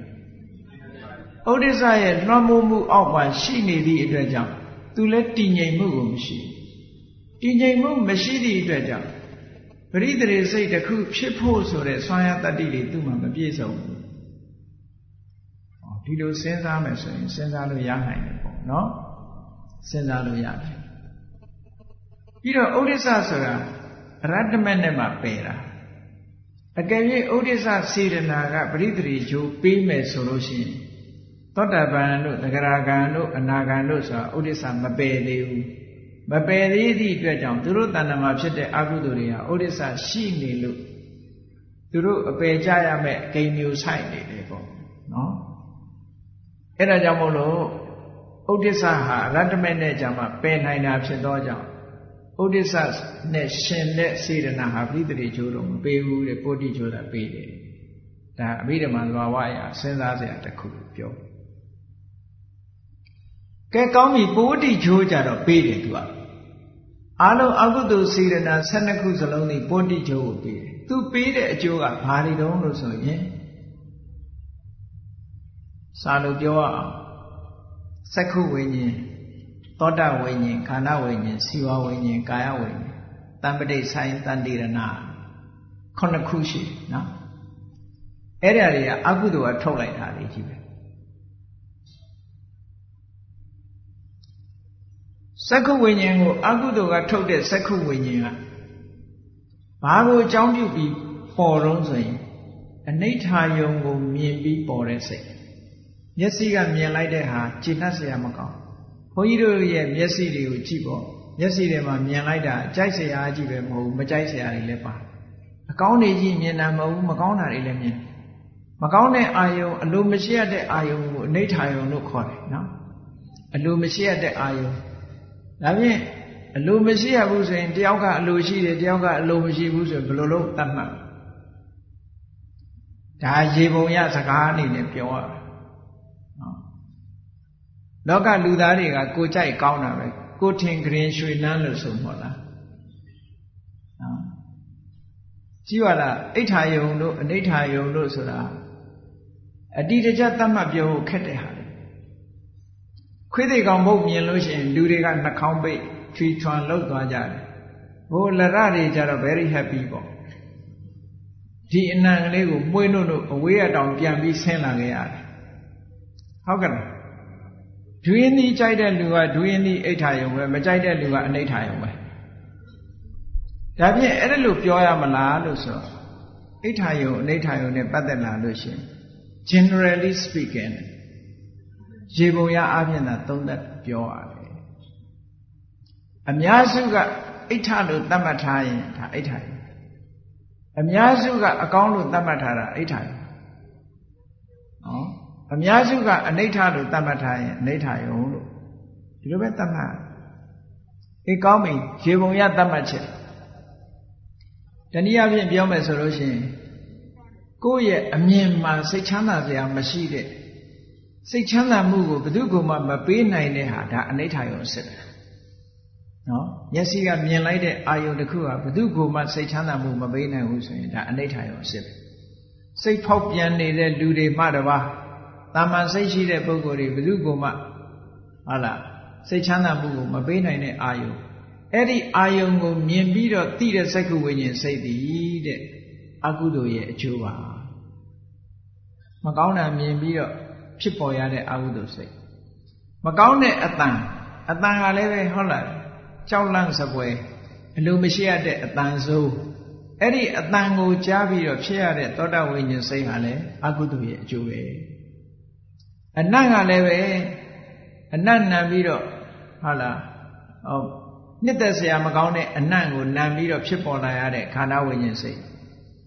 နှစ်သက်စရာမကောင်းတဲ့အရာသာကိုခံပြီးတော့ဖြစ်ပေါ်လာတဲ့ဇီဝဝိညာဉ်စိတ်မကောင်းတဲ့အထီးတွေ့မကောင်းတဲ့အထီးတွေ့ဆိုတာဥမာပဲပိုးထင်ရှားတယ်ခြေတော့ခလုတ်တိုက်ရင်မနာဘူးလားဒါမကောင်းတဲ့အထီးတွေ့ပဲเนาะထင်ရှားလို့မကောင်းတဲ့အထီးတွေ့ပဲအဲ့ဒီလိုအလိုမရှိရတဲ့အထီးတွေ့ကိုအာယုဆွဲမိပြီးတော့ဖြစ်ပေါ်လာတဲ့အာယုပြုပြီးတော့ဖြစ်ပေါ်လာတဲ့ကာယဝိညာဉ်စိတ် ဒါအကုသိုလ်ရဲ့အကျိုးပဲဒီလိုသတ်မှတ်တယ်ဒါကိုယ့်ရဲ့နေ့စဉ်ဘဝမှာစဉ်းစားကြည့်မြင်သိစိတ်ကလေးတွေဖြစ်တယ်ကြားသိစိတ်တွေဖြစ်တယ်နာသိစိတ်လျက်သိစိတ်တွေဖြစ်တယ်ဖြစ်သည်များစိတ်ကလေးတွေဟာခုနကအလိုမရှိတဲ့အာယုန်တွေပေါ်မှာမိတီပြီးတော့ဖြစ်ပြီဆိုလို့ရှိရင်ဒါအကုသိုလ်ရဲ့အကျိုးလို့ဒီလိုသတ်မှတ်ပါကောင်းတဲ့အာယုန်ကြတော့အိဋ္ဌာယုန်ခေါ်တယ် အဲ့ဒီအိဋ္ဌာယုန်နဲ့အိဋ္ဌာယုန်ကိုမြင်ပြီးတော့ဖြစ်ရတဲ့မြင်သိစိတ်ကြားသိစိတ်ကြားပြီးတော့ဖြစ်ရတဲ့ကြားသိစိတ်နတ်သိစိတ်လျက်သိစိတ်ထိသိစိတ်တွေကြတော့ကုသိုလ်ရဲ့အကျိုးကိုဒီလိုပြောတယ်အဲ့ဒီကုသိုလ်ရဲ့အကျိုးဟာငရဲဘုံမှာလည်းရှိနိုင်သေးတယ်ငရဲဘုံမှာတာမန်အားဖြင့်တော့ငရဲဘုံဟာအနိဋ္ဌာယုံကြီးပဲ ကြောက်เสียလန့်เสียအော်ဟစ်ညှိကျူပြီးတော့ဒုက္ခခံနေရတဲ့ပုဂ္ဂိုလ်တွေအနိဋ္ဌာယုံကြီးပဲသို့တော့ဘုရားမြတ်စွာလက်ထက်တော်ခါကာလတော့ကရှင်မမောက္ကလမထေရမြတ်ကြီးကတကိုးရှင်ဆိုတခါတရံငလေငရဲကိုခီးသွားတယ်ဘာလို့သွားတာတုံးဆိုငရဲချနေတဲ့တတ္တဝါတွေ သမဏနိသဒသနံယဟန်ကိုဖူးတွေ့ရမှုနဲ့တရားဓမ္မနာရမှုဆိုတာလေးတွေသွားပြီးတော့ငရဲသွားသွားပြီးတော့အဲ့ဒီမှာတရားဟောတာမျိုးရှိရှင်မမောက္ကလဟောငရဲသွားပြီးတော့တရားဟောတာဒါပြင်ရှင်မောက္ကလန်ဒီလောက်ဒုက္ခရောက်နေတဲ့ခေပါယူပါအော်ဟစ်နေရတဲ့ငရဲသားတွေကိုဘလို့ဒုက္ခဘလို့လုပ်ပြီးတော့သူကကုသဖြစ်အောင်လုပ်တုံးဆိုလို့ရှိရင် တကူအစွမ်းနဲ့ငရဲမိလေးကိုခိတ္တငိမ့်တော်အောင်လုပ်လိုက်ပြီးတဲ့အချိန်မှာကိုရမြရဲ့အသင်္တနာကိုပြလို့တရားတူတူလေးတပုတ်ဟောအဲ့ဒီအချိန်လေးမှာရှင်မောက္ကလံကိုငရဲမိငိမ့်သွားတဲ့အချိန်လေးမှာဒုက္ခလေးတက်တာသွားလို့ရှင်မောက္ကလံကိုဖူးလိုက်ရတဲ့အချိန်လေးဒါအိဋ္ဌာယုံပဲရှင်မောက္ကလံရဲ့တရားသံလေးကြားလိုက်ရတဲ့အခါဒါအိဋ္ဌာယုံ အဲ့ဒီအချိန်လေးမှာငရဲသားရဲ့တဏ္ဍာမှာအိဋ္ဌာယုံဖြစ်နိုင်သေးတယ်ပေါ့အေးကောင်းတဲ့အာယုံဆိုတာလေးတွေကကုသိုလ်ရဲ့အကျိုးလို့ဒီလိုသတ်မှတ်အဲ့တော့အကုသိုလ်ရဲ့အကျိုးကပရိသေလီချိုးပိုတိချိုးပဝတ္တိချိုးကိုကြည့်လိုက်အောင်ဒီခုပြောတဲ့သက္ခုဝိညာဉ်သောတာဝိညာဉ်ကာဏဝိညာဉ်ဇီဝဝိညာဉ်ကာဝိညာဉ်သံဃိဆိုင်တန်တိရဏဆိုတာ ပုတ္တိချိုးအကုသလဝိပဿိတ်ခုနှစ်ခုလို့ခေါ်တယ်အဲ့ဒီအကုသလဝိပဿိတ်ခုနှစ်ခုဟာဘာနဲ့အလားသဏ္ဍာန်တူတုံးလို့ဆိုရင်ဝေဒနာအပြင်ပြောမယ်ဆိုရင်ဥပိ္ပခဝေဒနာတွေများတယ်သို့တော့ကာယဝိညာဉ်စိတ်ကတော့ဒုက္ခသဟာကုဒုက္ခ သကုဝိညာဉ်ကဥပိ္ပခသောတာဝိညာဉ်ခန္ဓာဝိညာဉ်ဇီဝဝိညာဉ်တို့ကဥပိ္ပခတမ္ပတိဆိုင်တန်တိရဏတို့ကဥပိ္ပခဥပိ္ပခဆိုတာ indifferent feeling ချမ်းသာတာလည်းမဟုတ်ဘူးဆင်းရဲတာလည်းမဟုတ်ဘူးဆိုတဲ့အနေထားဒုက္ခသာကိုကာယဝိညာဉ်ရောက်ပြီဆိုတဲ့အချိန်ကျတော့ဒုက္ခဒါကြောင့်မို့အဲ့ဒီအကုသလဝိပဿိဥပ္ပခတန်တိရဏကိုတန်ကိစ္စဇတ်မှာ ဘလို့ရေးထားတော့လို့ဆိုတော့ပြားရည်80ထဲမှာတန်ဘူးရည်တစ်စက်ထဲလိုက်တယ်လို့ပဲဒီလိုရေးထားကျန်တဲ့စိတ်6ခုကဥပိ္ပခါကပြားရည်60နဲ့တူတယ်ပေါ့နော်ပြားရည်60နဲ့တူတယ်ကဲပြားရည်60ထဲမှာတန်ဘူးရည်လေးတစ်စက်ပူတန်ဘူးရည်ဆိုတာတကယ့်ကိုပူချက်နေတဲ့တန်ဘူးရည်လေးတစ်စက်ထည့်ပြီးတော့ရှားပေါ်မှာတင်လိုက်ရင်မနဲ့နေဘူး ချမ်းသာတာတွေရှိပါမလားခုနပြားရည်ရဲ့အရသာပေါ်ပါအောင်မလားအေးပြားရည်60ထဲမှာတန်ပူရည်တစ်စက်ထဲလိုက်သလိုဖြစ်တဲ့စိတ်ဆိုတာဒီစိတ်ကိုပြောတာဒုက္ခကပဲလွှမ်းမိုးသွားတယ်ဒါမို့ငရဲသားတွေကတက်တာတဲ့အချိန်ဆိုတာမရှိပါဘူးမရှိဒုက္ခသဟောကိုကြည်ကြီးဆုံးနေတယ်အဲ့ဒါကိုကမ္မပစ္စယောတဲ့နာနခဏိကကမ္မ ပြုလုပ်တဲ့အချိန်တုန်းကတစ်ချိန်အကျိုးပေးတဲ့အချိန်ကတစ်ချိန်ဒါကြောင့်နာနာခဏိကဖြစ်လာတဲ့အချိန်ချင်းကြွာချားတယ်ကွာခြားတယ်ဆိုတဲ့နေရာမှာဘလောက်ကွာလဲလို့ဆိုတာဒီဘဝနဲ့ဟိုဘဝကွာတာရှိတယ်။ကိုယ်ကဘာနဲ့ဒီကဘာကွာတာရှိတယ်။နော်။အတိုင်းတာတူညီစွာကွာတာတော့မဟုတ်ဘူး။ဟိုဘဝကလုပ်ခဲ့တဲ့အကုသိုလ်ဒီဘဝခံရတာမျိုး။ သို့မဟုတ်ဟိုကဘာတုန်းကလုပ်ခဲ့တဲ့အကုသိုလ်ကဒီဘဝကဘာမှာလာအကျိုးပေးတာမျိုး။ဒီလိုကွာခြားတာမျိုးရှိတယ်။အဲ့ဒါကိုနာနာခဏိကလို့ပြောတာဘာဖြစ်လို့ဒီစေတနာအခုလို့အခုကြိုးမပေးတာလဲလို့ဆိုရင်တက္ကရာဆရာကြီးကတော့သူဘာပြောထားတော့ပဋ္ဌာန်းတက္ကရာတော့အခုလို့အခုကြိုးပေးမယ်ဆိုရင်တဲ့ဆိုပါစို့နတ်ပြည်ရောက်စေတတ်တဲ့ဒါနကောင်းမှုပြုလုပ်တဲ့ပုဂ္ဂိုလ်သည် ပြုလုပ်နေတဲ့အချိန်မှာပဲလူမဟုတ်ဘဲနဲ့နတ်ဖြစ်သွားမှာပေါ့တဲ့ချက်ချင်းအကျိုးပေးမယ်ဆိုရင်လေအခုသီလဆောက်တည်အခုနတ်ကြီးဖြစ်သွားမှာပေါ့တဲ့ဟုတ်ကံရဲ့သဘောတရားကကံတစ်ခုကနေအကျိုးပေးနေသေးလို့ရှိရင်ထိုကံတစ်ခုကိုသဘာဝချင်းတူရင်အထောက်ကူပြုမယ်သဘာဝချင်းမတူလို့ရှိရင်အဟံတားတွေလုပ်မယ်အင်းအားကောင်းလာရင်ဖြတ်တော့ဖြစ်တယ် ဒါကံရဲ့သဘာဝတရားတွေအခုလူဘဝဆိုတာကုသိုလ်ကံတစ်ခုကနေအကျိုးပေးထားတာအခုနောက်ထပ်လှုပ်တဲ့အတိတ်ကံကထိုအတိတ်ကလှုပ်ထားတဲ့ကုသိုလ်ကံရဲ့အကျိုးတရားကိုပယ်ဖြတ်နိုင်စွာမရှိဘူးမရှိဒါကြောင့်မလို့နာနာခဏိကလှုပ်နေတုံးတော့အကျိုးပေးသေးဘူးချိန်တန်တဲ့အခါမှာအကျိုးပေးတယ်တနည်းအားဖြင့်ဆိုရင်တော့တခြားအကြောင်းတွေကိုလည်းငဲ့ရသေးတယ် တခြားအကြောင်းတွေနဲ့တွဲဖက်မှသာအကျိုးပေးနိုင်တယ်ဒီလိုနားလည်ရတယ်အေးကုသိုလ်နဲ့ပတ်သက်ပြီးတော့ပြောမယ်ဆိုလို့ရှိရင်လေကုသိုလ်ဆိုတာကာမဝဆရကုသိုလ်ပဲပြောကြပါလို့ကာမဝဆရကုသိုလ်ဆိုတာဒါနကောင်းမှုသီလကောင်းမှုဘာဝနာကောင်းမှုဒီ၃မျိုးကာယကံဝစီကံမနောကံလို့ဆိုတဲ့ဒီ၃မျိုးကုသလကာမပရတရား10ပါးလိုက်နာကျင့်သုံးပြီဆိုလို့ရှိရင် ပရိသေရီအကျိုးအနေနဲ့ဗာပေးတော့ဆိုရင်အညံ့ဆုံးကုသိုလ်ဟာခက်ညံ့ညံ့ကုသိုလ်ကိုယ်တဏ္ဍမှာဖြစ်ပြီအတော်ကိုညံ့တဲ့ကုသိုလ်ဆိုလို့ရှိရင်သောမနတသဟကုတ်အဲဥပိ္ပခာသဟကုတ်တန်တိရဏစိတ်ဆိုတဲ့ဂျိုးပြီးမပြည့်စုံတဲ့ဆိုလိုတာကလုံးဝအဆင့်မမီတဲ့တရေဂျိုးအဲ့ဒါအဲ့ဒီစိတ်နဲ့တရေတီးလာတဲ့ပုံကိုဆိုလို့ရှိရင်တော့ ပရိတရေကားကိုကမ်းလာတယ်မျက်စိပါမလာဘူးเนาะတရေကမ်းလို့ဆွမ်းအနာမကြားတို့ဒါမျိုးတွေဖြစ်လာတယ်ဖြစ်ပြီးမှပြတ်သွားတာမဆိုလို့ဆိုပါကိုပါမလာလားအခုခေတ်သတင်းစာတွေလည်းတွေ့ပါလိမ့်မယ်ဘာပါမလာဘူးညာပါမလာဘူးတွေအများကြီးပဲเนาะအုံနောက်ကလည်းပုံမှန်မဖြစ်ဘူးဆိုတာမျိုးတွေဆေးပညာကတော့တခြားကြောင်းတွေပြောရင်ပြောမှာပေါ့အဲ့ဒီတခြားကြောင်းတွေဖြစ်ရတာဘာကြောင့်လို့ဆိုရင်ကညောင်မယ် အဲ့ဒါလို့အခြေအနေမမှန်တာတွေဖြစ်တာဘာကြောင့်လို့လို့အကြောင်းရင်းလိုက်ရှာတော့ကညောင်မယ်ပေါ့ကောင်းပြီတီးတဲ့ကောင်းတဲ့အကျိုးတရားကြတော့ဘာတွေတော့ဆိုလို့ရှိရင်အော်မဟာဝိဘက်၈ခုဆိုတဲ့ပရိပရိသေအကျိုး၉ခုရှိတယ်ဥပေက္ခတန်လီရဏတစ်ခုမဟာဝိဘက်စိတ်၈ခုပေါင်းလိုက်လို့ရှိရင်ပရိသေအကျိုး၉ခုပေးပရိသေခါမှာဩဒီခါမှာကြတော့ အဟိကုသလဝိဘက်စိတ်၈ခုနဲ့မဟာဝိဘက်စိတ်၈ခုနှစ်ခုပေါင်းလိုက်လို့ရှိရင်16ခုရှိတယ်ဒါပိုးဒီခါကျတော့ပိုများတဲ့အကျိုးတရားဒီလိုဆိုလို့ကာမဝဆရာကုသိုလ်ရဲ့အကျိုးတရားအဲ့ဒီအကျိုးတရားတွေဟာကံဖြစ်နေတဲ့အချိန်တုန်းကမပေါ်သေးဘူးတဲ့ကံတရားချုပ်ငိမ့်သွားတဲ့အခါမှာပေါ်တယ်ဒါကြောင့်မို့လို့နာနခဏိကကမ္မပစ္စည်းတွေထဲမှာဆိုရင် तू က ကံတရားမရှိတော့မှကံတရားဖြစ်တဲ့အချိန်ကတစ်ချိန်ဖြစ်ချုပ်ပြီးသွားတော့မှအကျိုးပေးတာဖြစ်သောကြောင့်နတ္ထိဆိုတဲ့ပစ္စည်းမျိုးထဲမှာပါတယ်ဟောနတ္ထိဆိုတဲ့ပစ္စည်းမျိုးထဲပါတယ်ပါတယ်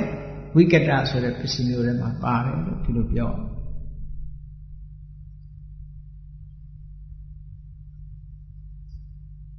အဲ့ဒီမှာပရိသေရီဂျိုးက9ခု ပဝတိဂျိုးက16ခုလူပြည်နတ်ပြည်မှာဒီဂျိုးတရားတွေကိုရတယ်အဲတင်းညိုလေးလာကြမယ်အပြီးတော့မှလေးလာမယ်ဆိုရင်ဒီတဲ့အသေးစိတ်ပေါ့ကံတရားတွေပြောလို့ရှိရင်ဒါသင်္ခါရပစ္စယဝိညာဏမှာအသေးစိတ်ပြောလို့ရတယ်ပေါ့ကမ္မပစ္စယောနဲ့ဆက်ပြီးပြောလို့ရတယ်နော်ကဲနောက်တစ်ခုကြည့်ရအောင်ဇန်တရားအထုတ်လို့ရူပဇန်၅ခုသို့မဟုတ်ရူပဇန်၄ခုရပြီဆိုလို့ရှိရင် အဲ့ဒီဇန်ခုတွေကုသိုလ်တွေကဆံရဆံရအကျိုးတွေကိုထုတ်လိုက်လို့ရှိရင်ရူပဝဆရကုသိုလ်၅ခုသည်ရူပဝဆရဝိဘက်၅ခုလို့ဆိုတဲ့ပရိသေအကျိုးပေးတယ်ဘုဒ္ဓကျိုးလည်းပဲအဲ့ဒါပဲပရိသေကျိုးနဲ့ဘုဒ္ဓကျိုးနှစ်ခုတူတူပဲအကျိုးပေးအဲ့ဒီကနေအစစ်မြင့်ပြီးတော့ဇန်တရားကိုဆက်အားထုတ်လို့ရှိရင်အရူပဝဆရကုသိုလ်ဆိုတာဖြစ်တယ်အရူပဇန်တွေရပြီးတော့အဲ့ဒီအရူပဇန်ကုသိုလ်ရဲ့အကျိုးကအရူပဝိ ဘက်၄ခုဆိုတဲ့ပရိသေကျိုးနဲ့ဘုဒ္ဓကျိုးကိုရတယ်ဒါကလောကီဘက်ဆိုင်ရာကံတရားတွေကံတရားလို့လူတွေမသိကြတဲ့ကံတရားရှိသေးတယ်လောကုတ္တရာဘိုင်းကိုကြည့်လိုက်ဝိပဿနာကျင့်စဉ်တစ်ခုကိုကျင့်လို့ဝိပဿနာကျင့်စဉ်တစ်ခုဟာအောင်မြင်မြင်ဖြစ်ပြီးတဲ့နောက်ဝိပဿနာဉာဏ်အစဉ်စဉ်တက်ပြီးနောက်ဆုံးအနေအထားမှာ ဇောစိတ်ကလေးတွေဖြစ်လာတယ်နောက်ဆုံးဇောစိတ်ကလေးတွေက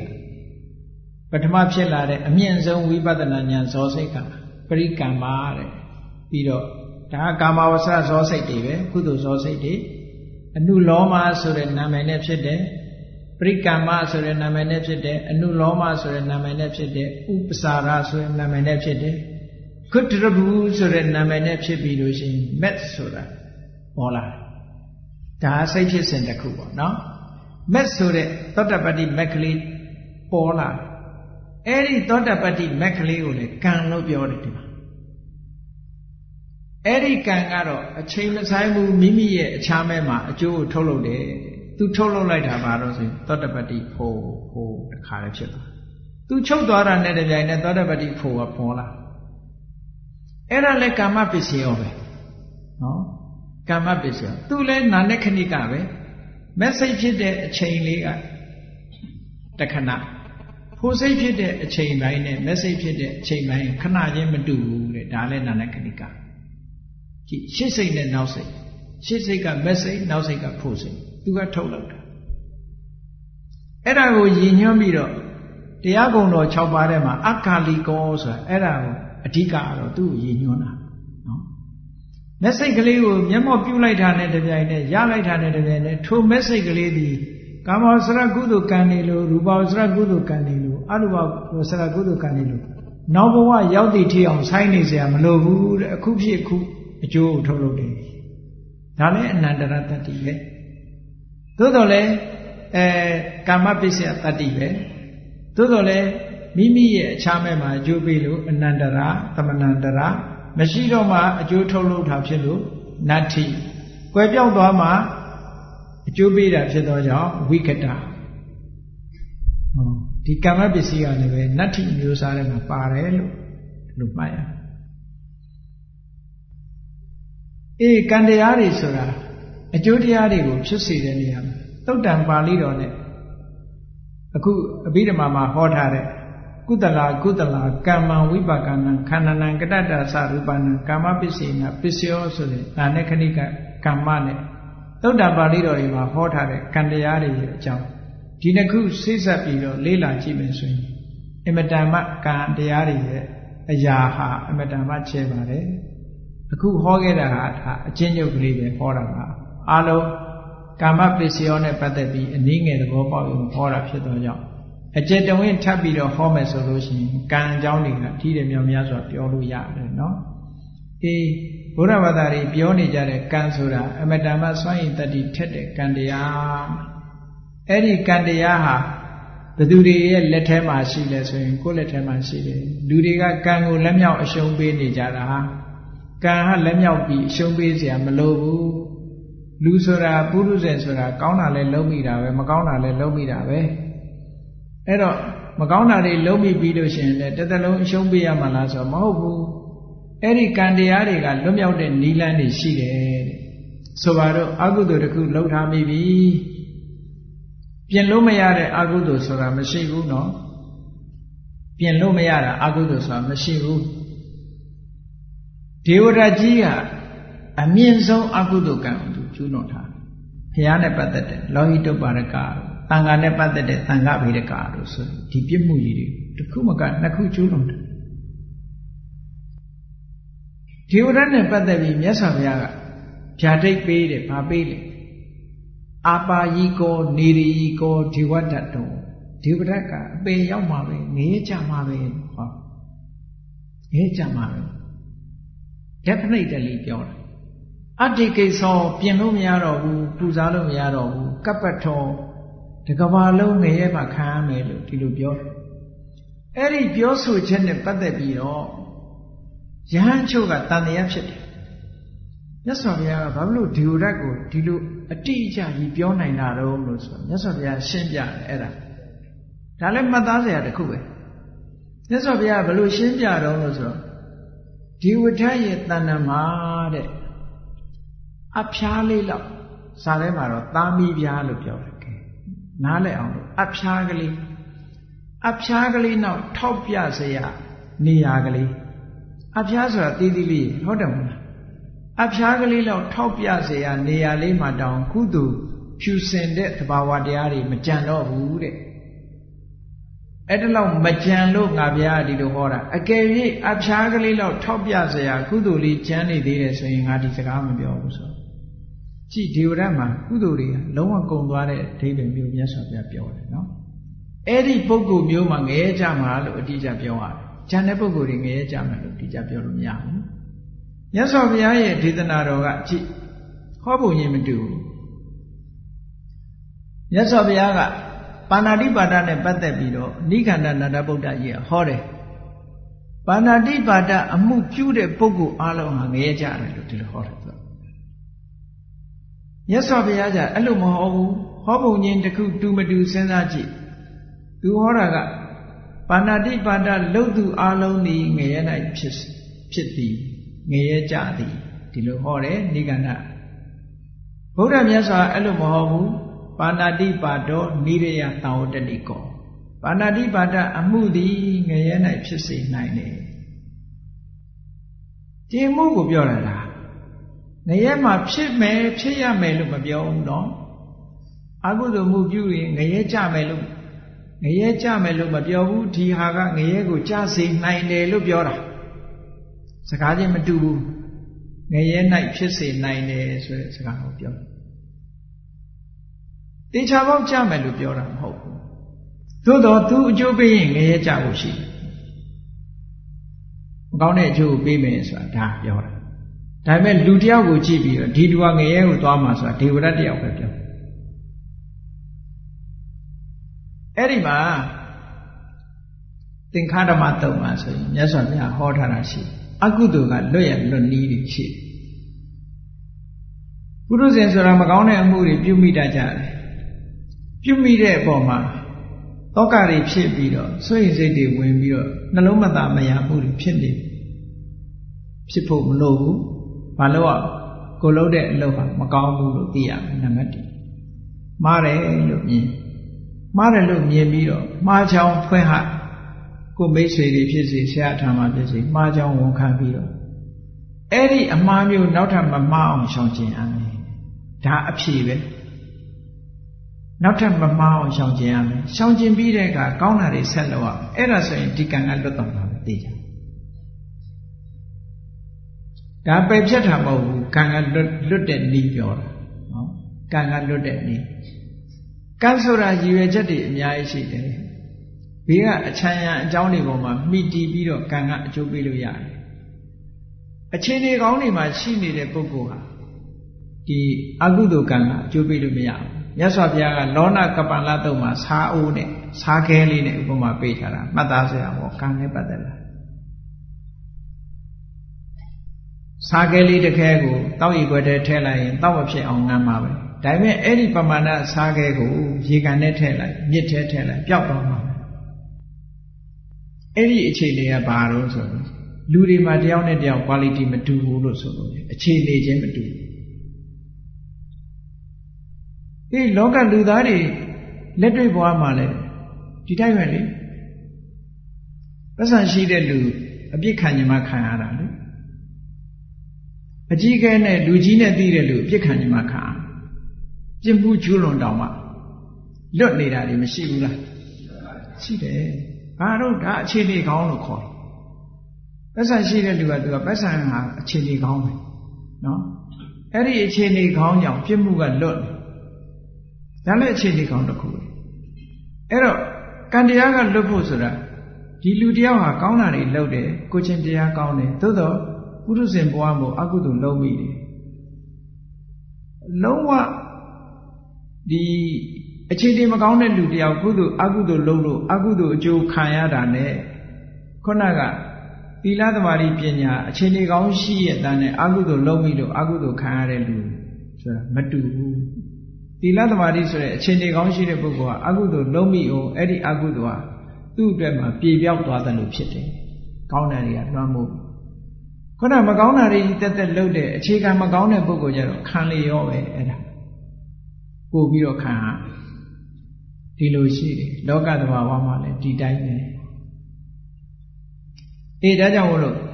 ကံတရားဆိုတာကိုကအရှုံးပေးရမယ်ဟာမဟုတ်ဘူးကိုကပြုပြင်ရမယ်အရာသာဖြစ်တယ်ကောင်းတဲ့အရာကိုမကောင်းတဲ့ကောင်းတဲ့အရာနဲ့မကောင်းတဲ့အရာကိုစားထိုးရမကောင်းတာနဲ့ကောင်းတာကိုဖယ်ရှားပြရမယ် ကံရဲ့သဘာဝကိုနားလည်လာပြီဆိုရင်ဘဝဟာဒီကံတွေရဲ့အကျိုးကိုကြည့်ပြီးတော့မကောင်းတဲ့ကံတွေကိုရှောင်ရှားလို့ကောင်းတဲ့ကံတွေကိုကြိုးစားလုပ်ကင်သွားမယ်ဆိုရင်တန်တရားမှာပျော်ခြင်းလည်းပဲကောင်းတဲ့ဘဝမှာပဲနေရမှာပဲနော်နိဗ္ဗာန်မရခြင်းသေးဘူးဆိုလို့ရှိရင်တန်တရားမှာကောင်းတဲ့ဘဝကနေကောင်းတဲ့ဘဝကူးပြီးတော့သွားလို့ရတာပဲအကယ်၍တန်တရားဘဝကြီးကိုညှင်းငွေပါပြီ ဖြစ်ဖို့နာသေးဒီဒီဒုက္ခကြီးတွေကိုမလိုချင်တော့ဘူးလို့ဆိုလို့ရှိရင်လည်းကောင်းတာတွေလုပ်ရင်ကနေပြီးတော့ကောင်းတဲ့ကံရောမကောင်းတဲ့ကံရောဖယ်ရှားပြစ်လိုက်ပြီဆိုတဲ့အချိန်မှာကိလေသာတွေဖယ်ရှားပြစ်လိုက်လို့ကောင်းတဲ့ကံကလည်းအကျိုးပေးလို့မရတော့ဘူးမကောင်းတဲ့ကံတွေကလည်းအကျိုးပေးလို့မရတော့ဘူးဆိုလို့ရှိရင်တော့ဒါနိဗ္ဗာန်ချမ်းသာကိုရသွားကြမှာပဲအဲကြောင့်မို့ကမ္မပစ္စယောကံနဲ့ပတ်သက်ပြီးတော့စနစ်တကျနားလည်ပြီးတော့ ဘုရားမြတ်စွာဟောကြားတော်မူခဲ့တယ်ပဋ္ဌာန်းမြတ်ဒေသနာတော်မှာလာတဲ့ကမ္မပစ္စယောတုတ်တန်ဒေသနာတော်တွေမှာလာတဲ့ကမ္မကံအကြောင်းဒီနှစ်ခုကိုနားလည်ပြီးတဲ့အခါကျလို့ရှိရင်မိမိတို့ဘဝမှာရှောင်ရံကံနဲ့ဆောင်းရံကံဒီမျိုးကိုကွယ်ကွယ်ကြော်ပြနားလည်လို့ကောင်းတဲ့ကံတွေကိုပြုစုအားထုတ်ခြင်းဖြင့်